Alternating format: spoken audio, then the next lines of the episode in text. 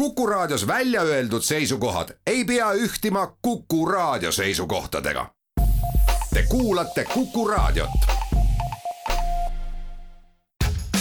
ja nüüd kohe algab Juku Raadio. Juku-Kalle Raidi köögilaua taha ongi juba kogunenud kõikvõimalikud spetsialistid ja muidu toredad inimesed. tore, et sina ka tulla said. häid mõtteid toob Juku Raadiosse Postimehe kirjastus seinad juba hiire kõrvul, igal uksel salasilm, kõrvad kikkis, kikivarvul kõnnin, aga külm on ilm. sõnad, tõde, õigus, töökus kõmavad ja kostavad, silmad luurel, seljad köökus, Õhtulehte ostavad eile hommikused noored, täna juba raukunud. olen üles kirjutanud. ma ei ole haukunud. Juhan Viiding. tere, Juku raadio kuulaja, ilusat neljapäevast kevadõhtut. meil on Kuku klubis neljasaja viies Juku raadio köögilaud käsil. ja mõistetavatel põhjustel on siis juhtunud nii, meil on tegemist sellise pikema Ukraina plokiga või, või sarjaga, et me alustasime Jaanika Merilooga siin mõned saated tagasi. kes siis äh, on olnud erinevate Ukraina valitsuste äh, nõunik. siis rääkisime Andres Puustusmaaga, näitleja, lavastaja, režissööriga. kes oli sunnitud Moskvast jalga laskma, kus ta kakskümmend aastat on Vene filmi juures äh, töötanud no sellepärast, et ütleme, vanad sõbrad osutusid tegelikult putinistideks ja üld, üldiselt tehti tal seal elu põrguks. prokurör hakkas juba otsima ja nii ta siis perekonnaga Eestisse tuli. ja eelmises neljasaja neljandas mm, saates rääkisime me ajaloolase Ott Sandrakuga Ukraina siis ütleme algupärast või või vanemast ajaloost või aegadest, kust me saame üldse noh Ukrainat kui mingil moel tervikut ette kujutada. noh, ütleme siis, mille otsene tagajärg on juba tänapäev. et me jah, päris eelajaloolistesse Sarmaatia steppide rändhõimude aega ei läinud küll, aga jah, seal Ukraina värvide teke, Galiitsia kaheteistkümnes sajand, kolmeteistkümnes sajand sealt ülespoole. ja me räägime ka täna Ukrainast, noh tõepoolest päevauudiseid pole mõtet Pole mõtet ümber jutustada, neid oskab igaüks lugeda ja, ja kohe, kui see saade lõpeb, on ju uudised, nii et siis me kuulame rindeteateid.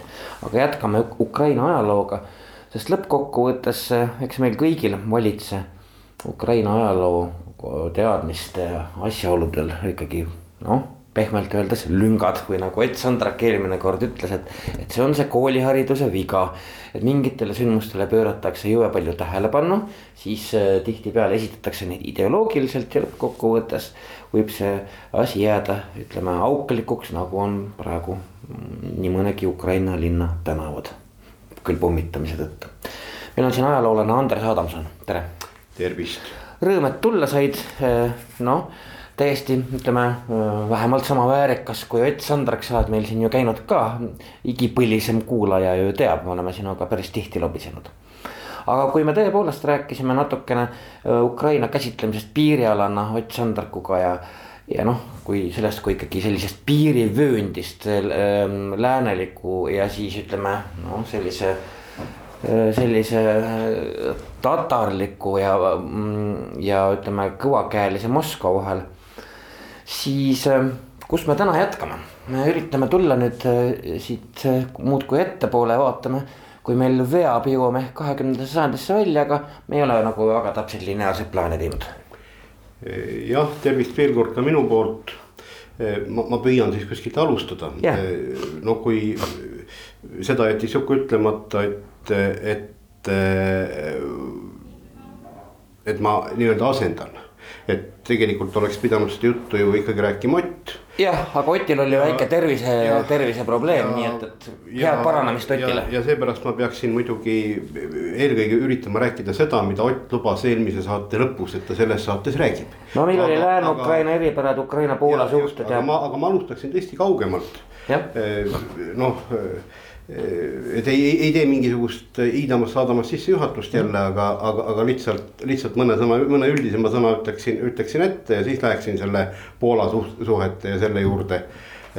aga, aga vot see sinu sissejuhatav sõnavõtt, see inspireeris mind tegema veel enne ühe repliigi selle Ukraina nimetuse yeah., nimetuse osa, osalt. no ma kogu, kogu eelmist saadet ei kuulanud ja nähtavasti, nähtavasti mul jäi siis kuidagi kuulmata see osa, kui te seda Ukraina nimetust olete arut- või arutasite.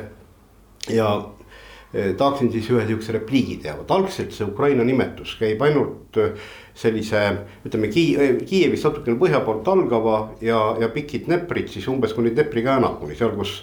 Dnepr, mis voolab Kiievist alates noh, paarisaja versta ulatuses, eks ole.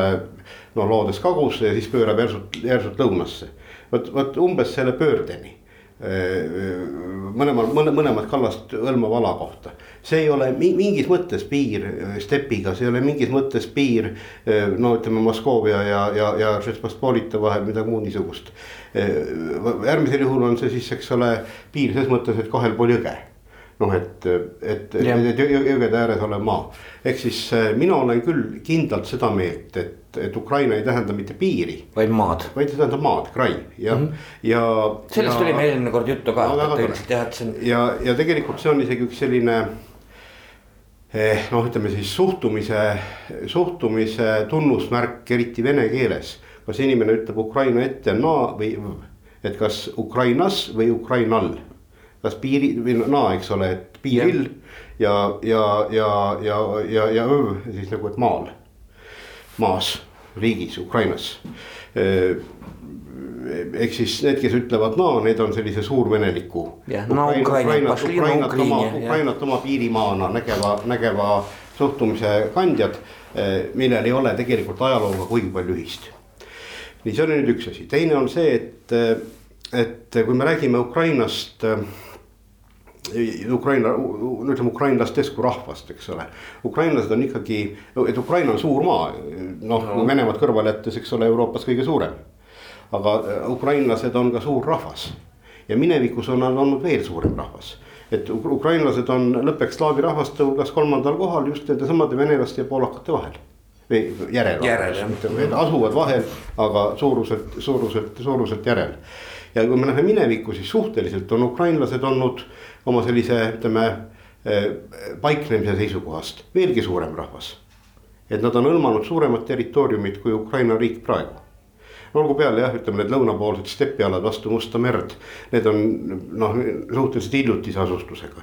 aga, aga kui me ka vaatame läände ja itta või ka põhja, siis, siis ütleme, need alad, kus ukrainlased on olnud enamuses, vähemalt maaelanikkonna mõttes need, need alad ulatuvad ka väljapoole praeguse Ukraina piire.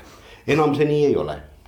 sest et, et kui minevikus rahvad elasid ka läbisegi üsna paljuski, eks ole, igasugused sellised agraar, agraarkogukonnad ja nii edasi ja, ja sajandeid seal ka, ka teiste rahvaste hulgas elades säilitasid oma identiteedi siis äh, tänapäeval või ütleme, eriti just kahekümnendal sajandil tänu massimeediale, tänu kooliharidusele, noh, nii edasi, nii edasi, tänu riiklikule sunnile, etnilistele puhastustele on, on see kõik muutunud.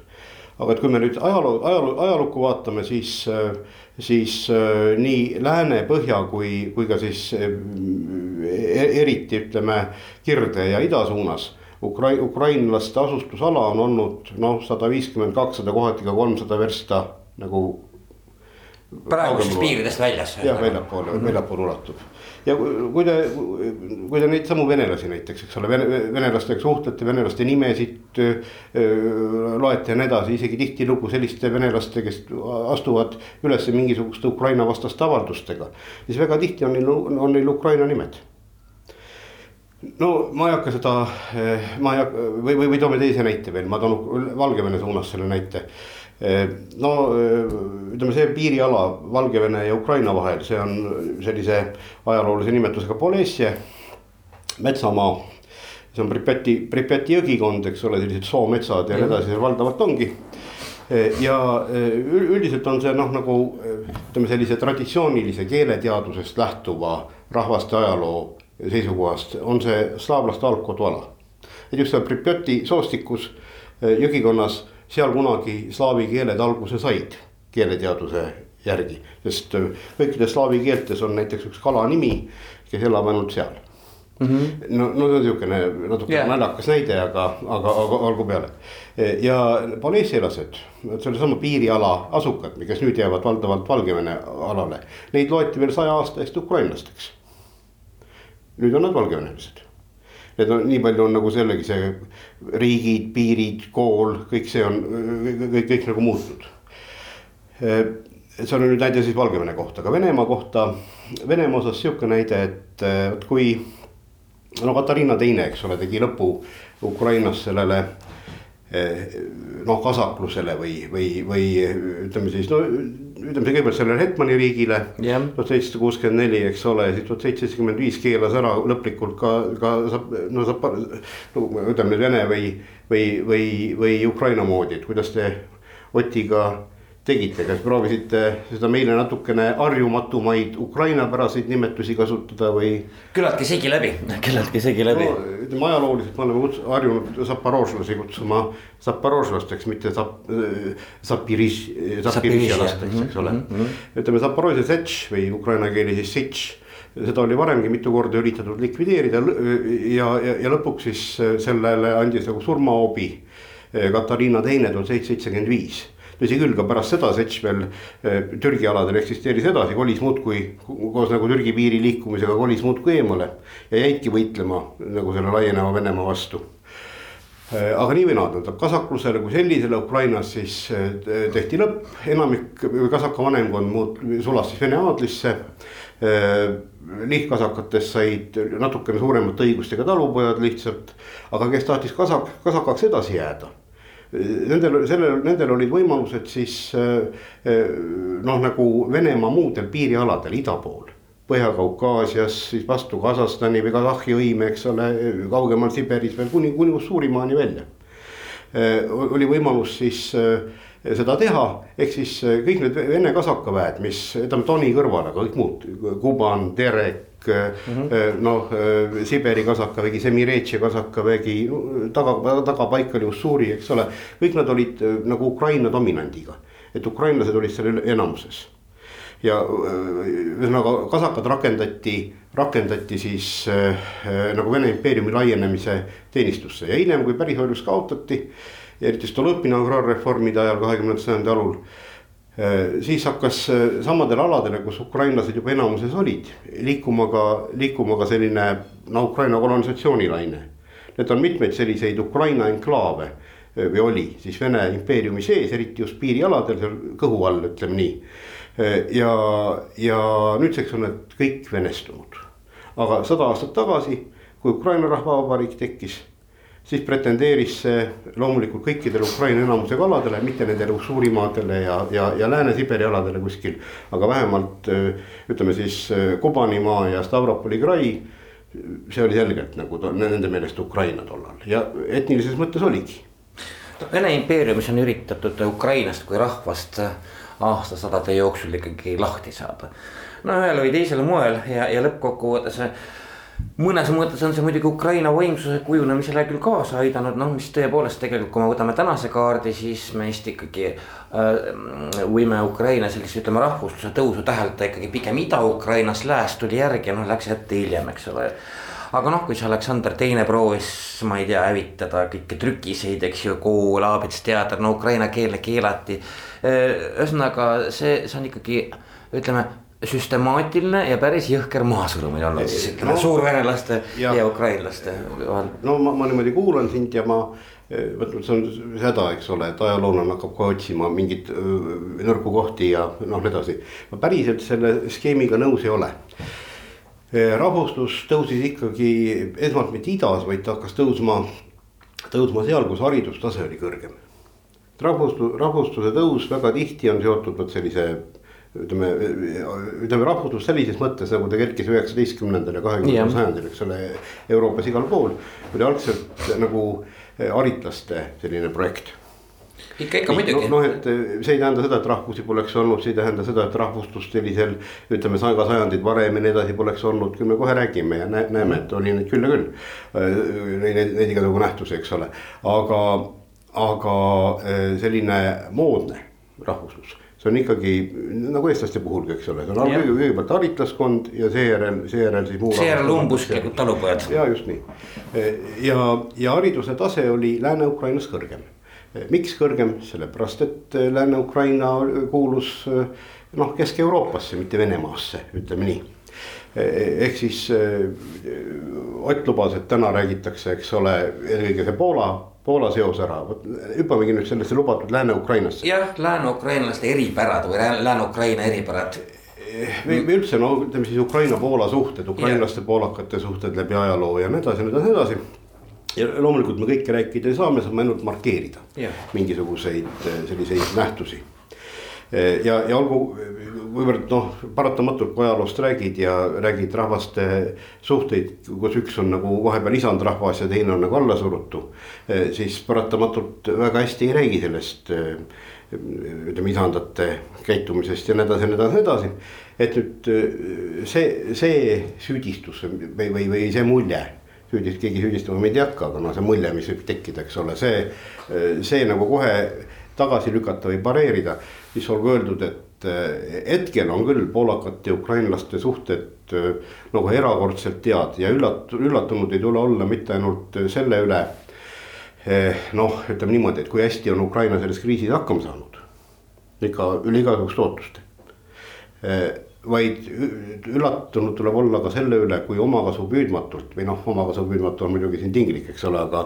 aga no materiaalses mõttes omakasu püüdmatult ja, ja suure südamega on poolakad seekord ukrainlastele appi läinud. no ne, neil on läbi ajaloo seesama Moskva olnud ka ikkagi no, palgiks jah, igale poole ees. jah, see on tõsi, aga, aga kui ikkagi, eks ole, kaks pool miljonit ukrainlast on tulnud üle, üle Poola piiri jäänud Poolasse ja nad on äh, ilma suurte riiklike programmideta ja nii edasi lihtsalt poolakate poolt vastu võetud, ära mõjutatud. või noh, ühesõnaga hoolitsetud nende eest, olgu peale, praegu on, eks ole, aeg sõja algusest möödas ainult neli nädalat, aga, aga eh, noh, nagu suhtumine on näha, eks ole, et. ja muidugi, see on selge.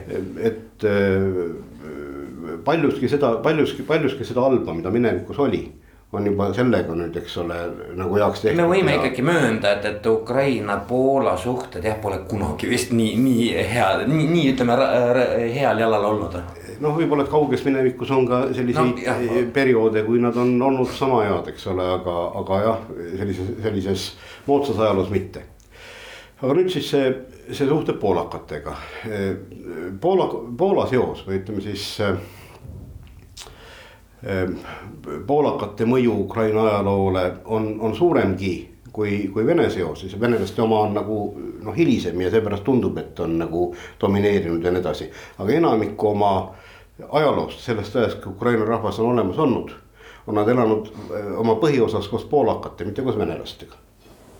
et, et, et noh, nagu eh, ühist ajalugu on neil sajandite viisi ja, ja see on siis, see on siis seotud noh, kõigepealt sellega, et kui te siin eelmine kord rääkisite, rääkisite Galitsia Volõniast või, või no, Galitsia Lodomeeria, eks ole, kuningriigist ja.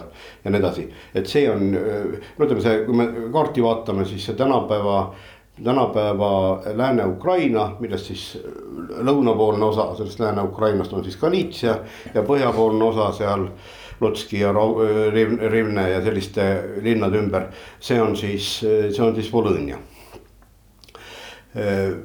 ehk siis Galitsia Volõnia kuningriigi alad tõmmati, eks ole, Poola kuningriigi võimu alla juba neljateistkümnendal sajandil. et ja, ja püsisid seal, püsisidki niimoodi Poolaga koos ja, ja, ja jagasid täielikult Poola saatust kuni kahekümnenda sajandini välja. et need, seal on alad, alasid, eriti just Galitsia poolel Volõnias mitte, aga Galitsia poolel, mis enne Stalinit kunagi Vene võimu all ei olnudki no võis juhtuda, et mingi sõja ajal, eks ole, Vene väed okupeerisid midagi muud niisugust. sealt ka muuseas Aga..., sealt ka muuseas, kes on kohapeal käinud, teab väga hästi, kui, milline vastalisus sellele eh, samale Vene võimule seal on. jah, ja kui me näiteks, näiteks Lviv, eks ole, või no see on nüüd, see ei ole nüüd poolakatest, vaid, vaid ma tahan öelda seda, sinna jõuda lihtsalt, et. et need alad elasid nagu nende reeglite järgi, elasid üle neid protsesse, mida elas üle, ülejäänud Kesk, Kesk-Euroopa noh no vot, kuhu me loeme, eks ole, et Kesk-Euroopa üldiselt. no näiteks Leedu on juba Kesk-Euroopa. Poola igal juhul, eks ole, vot Galiitsia on ka mm. -hmm. meie ei ole, me oleme Põhja-Euroopa. Läti on pooleks no ütleme, Taugavast lõuna pool võiks öelda juba, et on pigem Kesk-Euroopa kui Põhja-Euroopa. tähendab, aga nii või naa, nii, nii sellele, aga samas meil, samas ka meid on mõjutanud teatud protsessid, mis on omased olnud Kesk-Euroopale ja üks nendest oli sakslaste ittasumine. Nii, ehk siis see Ostsiidlung või eh, nii edasi ja, ja, ja me oleme ikka harjunud mõtlema, et Narva on, eks ole, kõige idapoolsem nagu. ei ole midagi, on ju. ei, ma ei mõtle mitte Narva jõge, vaid ma mõtlen Saksa, Saksa kolonisatsiooni, linnad, mis sakslased on rajanud igale poole, eks ole, Kesk-Ida-Euroopas. tegelikult see, see joon, Saksa kolonisatsiooni või keskaegse Saksa kolonisatsiooni joon, see on, see on äh, Narva Lvivi joon. Lemberg mm, -hmm. Saksa linn Lemberg, eks ole, Lviv, Galiitsia pealinn. Äh, et ühesõnaga sellised protsessid, mis, mis, nagu ülejäänud, ülejäänud Ukrainat ei tabanud ja mis teevad selle Lääne-Ukraina siis kohati nagu teistsuguseks teatud asja või teatud komponentide, teatud nähtuste poolest. samas ka see Lääne-Ukraina jäi ikkagi seotuks ülejäänud Ukrainaga, noh keel, eks ole, vähemalt, vähemalt siis maaelanikkonna mõttes. usk, et ikkagi õigeusk erinevates vormides küll, aga ikkagi õigeusk, mitte, mitte, mitte lääne kristlus ja, ja, ja noh, nii edasi, nii et äh, Ukrainaks jäi see küll, aga teatud asjad käisid teistmoodi nii ja nüüd see, see oli siis selle nagu selle Lääne-Ukraina kohta ja veel kord oli siis Poola kuningriigiga, Poola kuningriigiga koos neljateistkümnendast sajandist peale. Kuni kahekümnenda sajandini elas kõik need vapustused üle, ehkki kuningriik ise vahepeal kadus yeah,. Yeah, nii ja nüüd äh, ülejäänud Ukraina tõmmati siis ka sellesse ütleme Poola võimu alla tõmmati siis järk-järgult, vahepeal oli Leedu suurvürstiriik ja, ja vot kui see Leedu-Poola, Leedu-Poola ühisriik. kui see siis või, või personaalunioon, kui see asendus siis tuhat viissada kuuskümmend üheksa sellise püsivama ütleme aadlivabariigiga, nimi ongi Žetspospolita vabariik mm. -hmm, yeah. nii nagu Poola on praegu Žetspospolita Polska, Poola vabariik. siis, siis vot selle uniooni seal juba enam mitte personaal, vaid reaaluniooni loomisel Ukraina alad erinevalt Valgevenest läksid ise priitahtlikult oma šlahta, oma aadli soovi järgi, soovi järgi ja vastu leedulaste tahet. Läksid siis äh, Leedu alluvusest Poola alluvusse, Poola kuningriigi koosseisu nii, nii et sealt alates siis äh, teatud ajaks äh, noh, ütleme siis Ida-Ukraina varsti kukkus ära, aga, aga, aga vähemalt kesk, Kesk-Ukraina ka pikaks ajaks, sajanditeks jäi seotuks Poolaga. no nüüd vot see Poola võimu all olemine tähendas tegelikult seda, et, et ütleme nii, et kui varem Ukrainas see ülakiht, šlahta, aadel, eks ole, kui see oli kõigepealt muidugi vürsti suguvõsad ja seejärel siis see kogu see, kogu see madalam, madalam maadelkond. et kui, et kui need olid olnud kah ukrainlased või noh, tollal öeldi yeah., tollal öeldi venelane, aga ei meetud, ei peetud silmas muidugi mitte suurvenelasi yeah,. vaid yeah,, vaid just selle. no see ongi, seal on, seal on suur vahe ka. Kiievi vene, eks ole seda, selle järglasi. noh, siis, siis Poola, Poola võimu tulekuga, vot see, varem, varem nagu venekeelne, vot see vana vene või Kiievi venemeelne ja Kiievi vene noh, keelne ja meelne, eks. ja, ja ma jälle tuletan meelde, paluks mitte seg segamini ajada Venemaaga, Venemaaga, et seda me ikka kipume kuidagi tegema, noh, Vene ja Vene. no jah, no see Vene, Vene on küll ainult meie ja soome. see on meie ja soomekeelne asi jah, et muidu jah muidu on Rossija ja Russ on ju, need on, need on see väga erinevad asjad. just, just ja te muide, ma nüüd teen vahelepõike jälle, te eelmine kord äh, arutlesite ka selle üle, et kes siis need kõige puhtamad vanavenelaste järeltulijad on ja. ja, ja Ott esines sellise äh, repliigiga, et, et valgevenelased ja no et venelastega on niikuinii selge, eks ole, et ne, nemad on selline suuresti soome-ugri põhjal tekkinud yeah. selline. ja siis kirikuslaavi keele kaudu, eks ole, slaavistunud ja, ja, ja nii edasi, sihuke seltskond Äh, aga suurvenelased siis, aga et, aga et valgevenelased tema jutu järgi kah ja ukrainlased siis kõik eraldi. tegelikult ikka vastupidi, et kui me neid igasuguseid geneetilisi markereid ja, ja siukseid asju vaatame, siis äh, siis valgevenelased ja poolakad on puhtamad slaavlased kui ukrainlased, aga, aga see on kõik sihuke tinglik ja praeguste teadmiste tasemel. ja me, kui see... me läheme ikka mööda, mööda keelepiire, mitte mööda geneetilisi ja ütleme rahvustaju piire, siis. Ott, Ott Sandrak ütles seda, et, et tegelikult kui venelastel on tihtipeale tunne, et eks ole, et nemad on nagu ukrainlaste jaoks nagu suuremad vennad, vennad ja. ja suuremad vennad ja ikkagi kõige suurem vend. siis tegelikult on ikkagi nii, et ukrainlane on hoopistükkis venelase vanem vend. jah, ukrainlased on vanemad vennad just ja, ja, ja ka rahvana varem tekkinud või vähemalt, vähemalt samal ajal. tähendab vanemad ses mõttes, et selle Vana-Vene riigi, Kiievi Vene riigi tuumikala on nende ala mm. -hmm. ja, ja, ja suurvenelased tekkisid juba sellisel hilisemal koloniaalalal me teeme korraks pausi, vabandust, Andres, me peame selle väikese pausi sisse tegema, meil on neljas ja viies Jukuraadio köögilaud. Ukraina ajalugu on meil jutuks olnud nüüd kaks saadet järjest, Andres Adamson muuseas vahele pistan, et, et Andrese ajaloo käsitlusi on huvitav kuulata ja kui me nüüd räägime ka Eesti ajaloost, siis on sul veel üks raamat, mida ma julgeksin täiesti välja hõigata, et see on siis Eesti ajaloost. viha, eelarvamuste ja valehäbita elik siis, mida koolis ei õpetata nii et, et see olgu siis, see on kirjastus Argo, see olgu siin enne pausile minekut maha räägitud, aga edasi me räägime ikkagi mitte Eesti, vaid siis Ukraina loost kohe edasi. Te olete Kuku raadio lainel ja kuulate Jukuraadiot. häid mõtteid toob Jukuraadiosse Postimehe kirjastus Jukuraadio neljasaja viies saade jätkub, ajaloolane Andres Adamson on ja jätkuks siis äh, nii palju, et kui eelmises saates oli ajaloolane Ott Sandrak siin lihtsalt asusime lahti muukima Ukraina võib-olla siis varasemat ajalugu, päevuudiseid ei ole mõtet ju siin ümber jutustada, et seda seda me näeme niigi, aga, aga jah, Ukraina tekkimise igasugused huvitavad spetsiifikad ja asjaolud, äh, neist ei, ei tea me ju väga palju. Ja me oleme praegu siis kusagil nüüd, kes eelmist plokki kuulas, teab, et Andres Adamsoniga me oleme enam-vähem siis geograafiliselt ja meeleliselt siis antud hetkel äh, Lääne-Ukrainas, mis on ikkagi markeerinud sellist noh, ütleme väga euroopalikku kultuuri, mitte, mitte kaugel. Äh, mitte, mitte mingit venelaste väiksema venna, ma ei tea, sihukest piiriäärset esindust jah, olgu, aga lähme hüppame nüüd jälle poolakate juurde tagasi ja hakkame natuke halba ka rääkima ehk siis äh, kuskil siin enne, kui me oma kõrvalteemadele põikasime.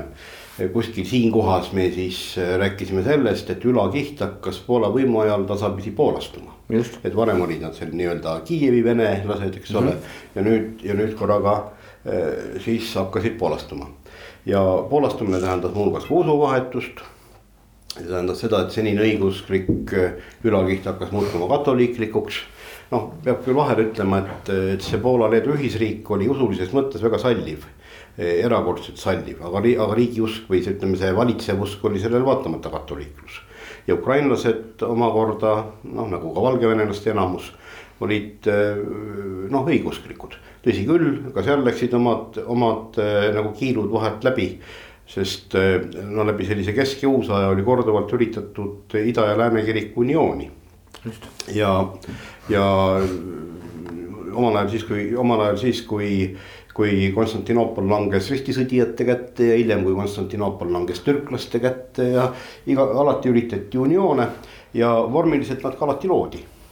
nii et äh, noh, äh, osa siis, äh, osa siis Ukraina õigeusklikke olid uniodid et tunnistasid siis Rooma paavsti ülimuslikkust, ehkki jäid õigeusu kaanonite juurde muus mõttes ja, ja äh, kui ma räägin sellest usulisest sallivusest, siis äh, üks nüanss veel, see usuline sallivus laienes äh, Poolas, Leedus mitte ainult, mitte ainult siis kristluse erinevatele vormidele.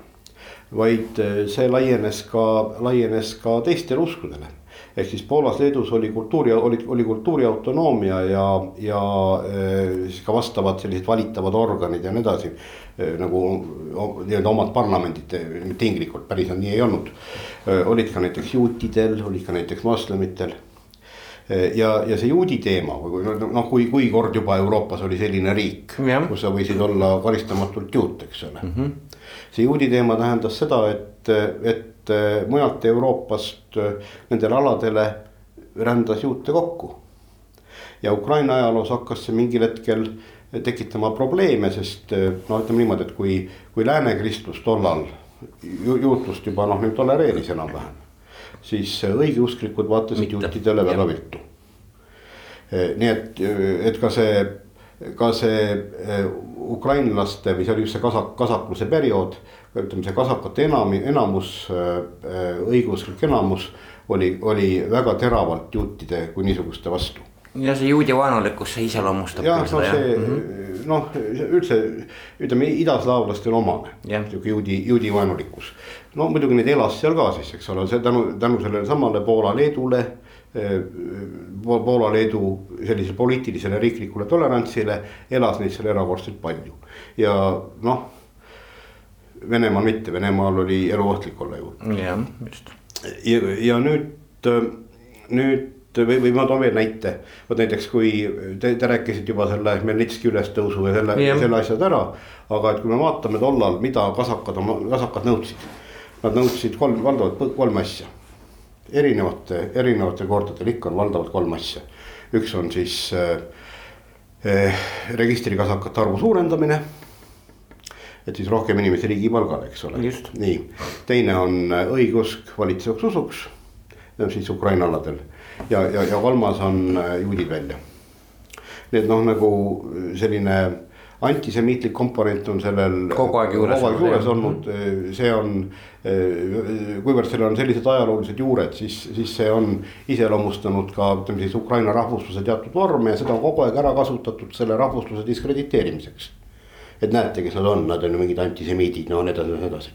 et seda on lihtne niimoodi süüdistada, eks mm no see, aga veel kord, seal olid ajaloolised põhjused, ajaloolised, ajaloolised juured, miks see konflikt teravaks läks ja noh, nii edasi. nüüd ähm, hüppame sellelt, sellelt hetkel see teema ei ole, eks ole mm, -hmm. me räägime yeah. praegu tänapäeval Ukrainast, kus, kus president on juut, kus alles äsja oli peaminister juut ja. ja, ja nii edasi, eks ole, praegu see ei ole, praegu see ei ole mingi. kus on Odessa ja nii edasi, eks ole. Eh, aga et minevikus oli ja nüüd ähm, nüüd äh, hüppame siis poolakate juurde tagasi. Äh, ühesõnaga kõik see, see eliidi poolastumine ja, ja, ja, ja poolakate domineerimine siis äh, alal, aladel, kus poolakad enamuses ei olnud. see viis selleni, et, et poolakate ja ukrainlaste suhted, eriti siis seitsmeteistkümnendal sajandil hakkasid järsult halvenema. mitte seal lääne pool, aga just ida pool eelkõige ja te rääkisite need teemad juba ära suuresti, ma neid kordama no me rääkisime ühe ruina ajast ka, kuidas kolm naaberriiki Ukraina ära jagasid, eks ole, Navi pöördnud, et Türgi no,, Poola, Leedu ja, ja, ja Moskoovia. meil, eestlastele pole seda vaja seletada, meil oli ka ju teiskeelne ülakiht. ja, ja, ja, ja me saame sellest aru. me saame aru, eks ole, siis talurahva, talurahva enamus. noh, Ukrainas siis kasaka ja talurahva, eks ole, enamus, kes olid siis öö, oma, oma keelega ja siis ülakiht, kes olid just, oli justkui nagu võõras ja, ja paratamatult tekkisid konfliktid ja, ja, ja, ja surve ja no kõik muu niisugune, et meil on see kõik arusaadav, meile pole vaja seda seletada. aga nüüd äh, see võttis kohati selliseid äh, märgilisi äh, vorme või, või toimus sündmusi, millel on märgiline tähendus. noh, no näiteks poolakatel on selline rahvuskangelane Stefan Tšernetski, kes, kes siis selle suure seitsmeteistkümnenda sajandi keskpaiga selle suure sõja, selle nõndanimetatud uputuse Potop, sel ajal, eks ole. nagu see Poola rahvuslikku vastupanu, seda, siis kui riik oli juba maa pealt enam ära, ära pühitud, kui Karl Gustav oli, Karl Kümnes Gustav oli kuulutatud Poola kuningaks ja Leedu suurvürstiks juba, juba noh pisikene killukene Poolat oli veel vaba kõik olid, kõik naabrid olid, eks ole, sisse vajunud. ja, ikka igaüks oma tükki ära ammutanud. kes siis, kes siis tõusis selle rahva ülestõusu etteotsa, mis siis vaenlased kõik välja peksis. Stefan Tšernetski, kes, kes Poola hümniski on kahe, kaks korda ära nimetatud no tema, tema, tema muuhulgas oli ka sihukene korralik kasakat tõgija noh, ehk siis, kes ukrainlastesse suhtus äh, äärmiselt halvasti. Hukkas neid, piinas, kui vaja, ajas teibasse, noh, nii edasi, noh, nii edasi mm. -hmm. on just veel kord, see on see Hmelnitski ülestõusu ajal, aga miks? sellepärast, et ta oli üks väheseid ellujääjaid, juhuslikke ellujääjaid, peitis ennast ühes heinasaos pärast Patogi lahingut tuhat kuussada viiskümmend kaks, kus, kus siis lepingut murdnud Hmelnitski koos tatarlastega, kasakud ja tatarlased oli mitu korda väiksema Poola väe osalt maha tapnud, osalt vangi võtnud, enamik andsid ennast vangi. vangid tavaliselt, kui kasakad koos tatarlastega tegutsesid, anti siis tatarlastele üle, et oli, see oli nende osa saagist mida mm -hmm. nad siis seal Türgi orjaturgudel realiseerisid või tähtsamaid tegelasi lihtsalt lunaraha vastu nagu vabastasid ja nii edasi aga antud juhul Menitski ostis kogu selle kaheksa ja pool tuhat vangi, ostis need, äh, ostis need šlatitšid ja nende teenrid. Äh, ostis nad tatarlastelt viiekümne tuhande riigidollari eest ära. ja, ja, ja järgnes siis see, et nad kõik seoti kinni ja kahe päeva jooksul siis väga piinarikkalt hukati. et no niimoodi lõigati lõhki ja raiuti pead maha ja süstemaatiline niisugune puhas genotsiidjakt ja, ja, ja Tšernetski siis nägi seda kahe päeva jooksul oma heina, heinakuhjast pealt. see on sihukene noh nagu näide. jah.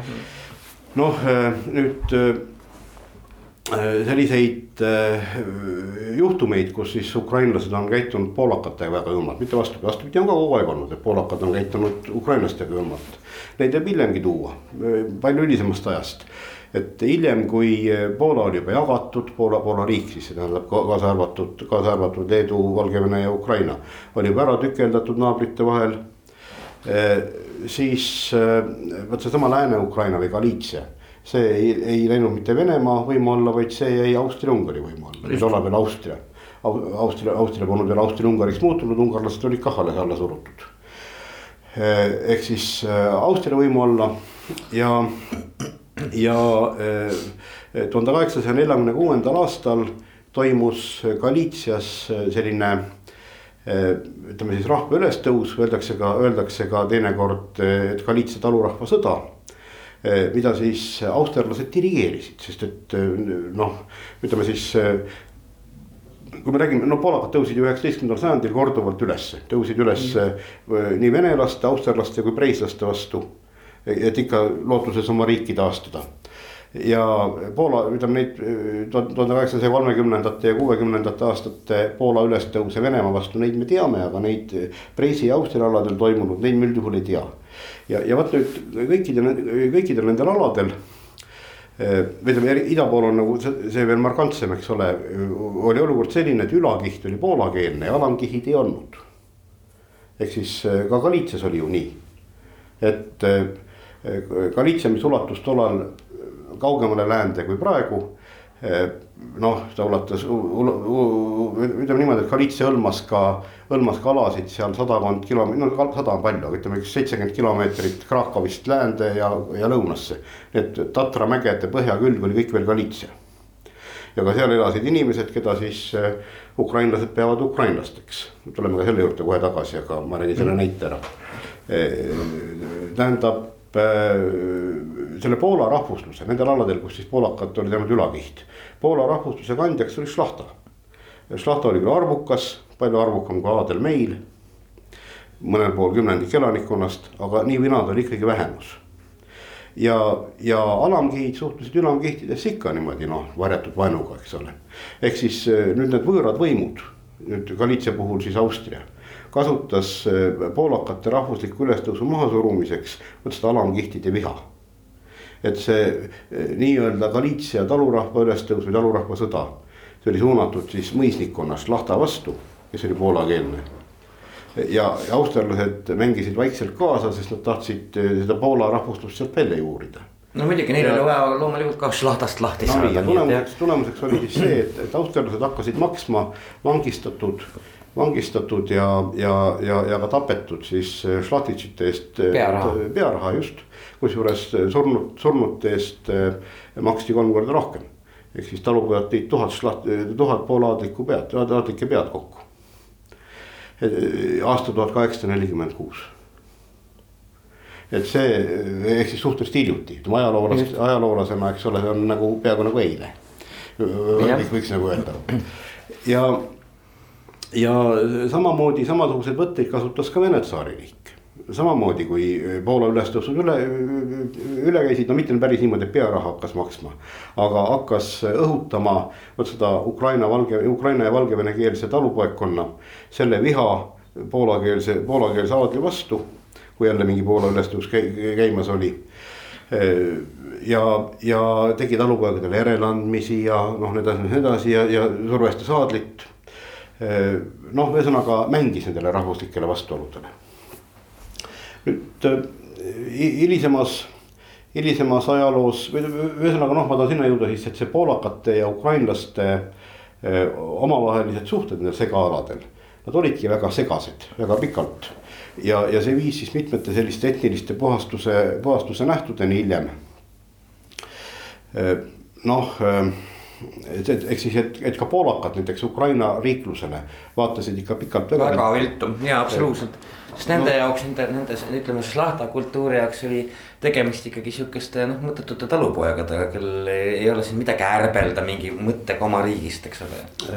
Jah, aga no ma tahtsin jõuda nendele vastupidistele nähetele ka siis mm -hmm. ehk siis äh, no ma ei hakka praegu rääkima siin Petliurast ja, ja, ja noh, nii edasi, et võib-olla me jõuame täna veel selleni, sõltub su küsimusest no,. meil on aga, kuus minutit aega no,. No, siis me, siis me ei jõua, aga, aga äh, lihtsalt no kõik me teame Ukraina ülestõusuarmeed, eks ole, teise maailmasõja ajal. just. noh, vot kui Molotovi-Ribbentropi paktiga Poola riik siis jagati ja, ja, ja Nõukogude Liit haaras endale siis need nagu, nagu nad ütlesid, siis Lääne-Valgevene ja Lääne-Ukraina alad. siis toimus seal etniline puhastus, see tähendab siis, et miljonid poolakad võeti Siberisse nii, aga killukene äh, Lääne-Ukrainast, vot see, mis kunagi Vene võimu all polnud olnud. See jäi, see jäi ka äh, tookord, no nüüd siis Hitleri Saksamaa kätte sedasama. Äh, noh, mitte, mitte, mitte küll Lviv, aga, aga see, see, see anti juba seekord Stalinile mm. -hmm. aga teatud killukene, killukene jäi. et kui me kaardile vaatame, siis tegelikult ka praegusest Poolast, eks ole, tol hetkel etnilises mõttes see, see kagunurk, see oli Ukraina nii nagu kirdenurk oli Valgevene. no etnilises plaanis, et selle poolakad, poolakad muutsid ära alles hiljem, pärast teist maailmasõda, kui, kui nad. kui pool, kui, kui poolad olid idalad ära võetud küll, eks ole, aga läänes anti kompensatsiooniks osa saksa alasid, Silesia mm -hmm. seal idapommer, eks ole.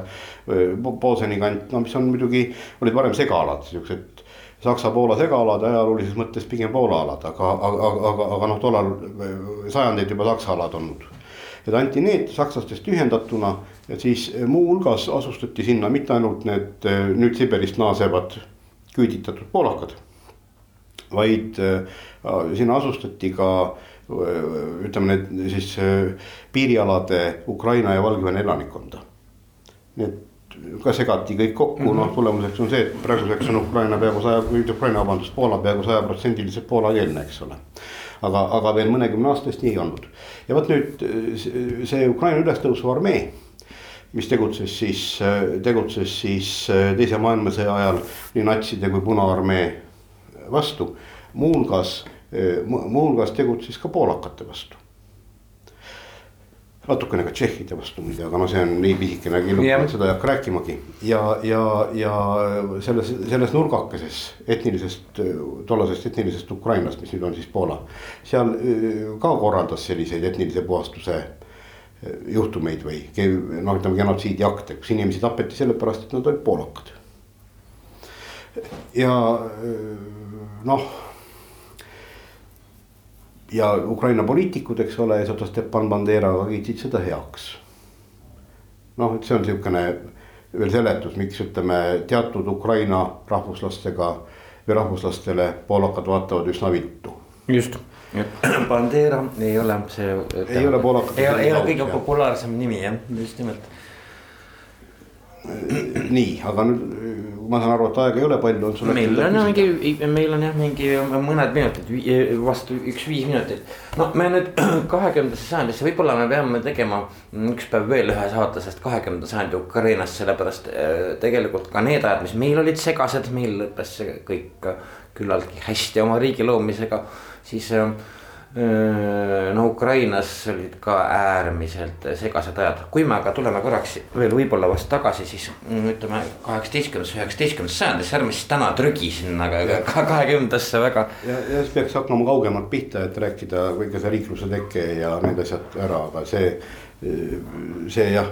ja, ja, et no meil on vast nii, et, et nojah, seda me muidugi ütlesime, et, et tõepoolest, et see, see territoorium, mida me siis nüüd täna, täna tunneme Ukrainana ja tõepoolest, mis nagu lihtsalt ütleme, ukraina keelega kõnelejaid oli sellest territooriumist ajalooliselt väljaspool, nagu me juba.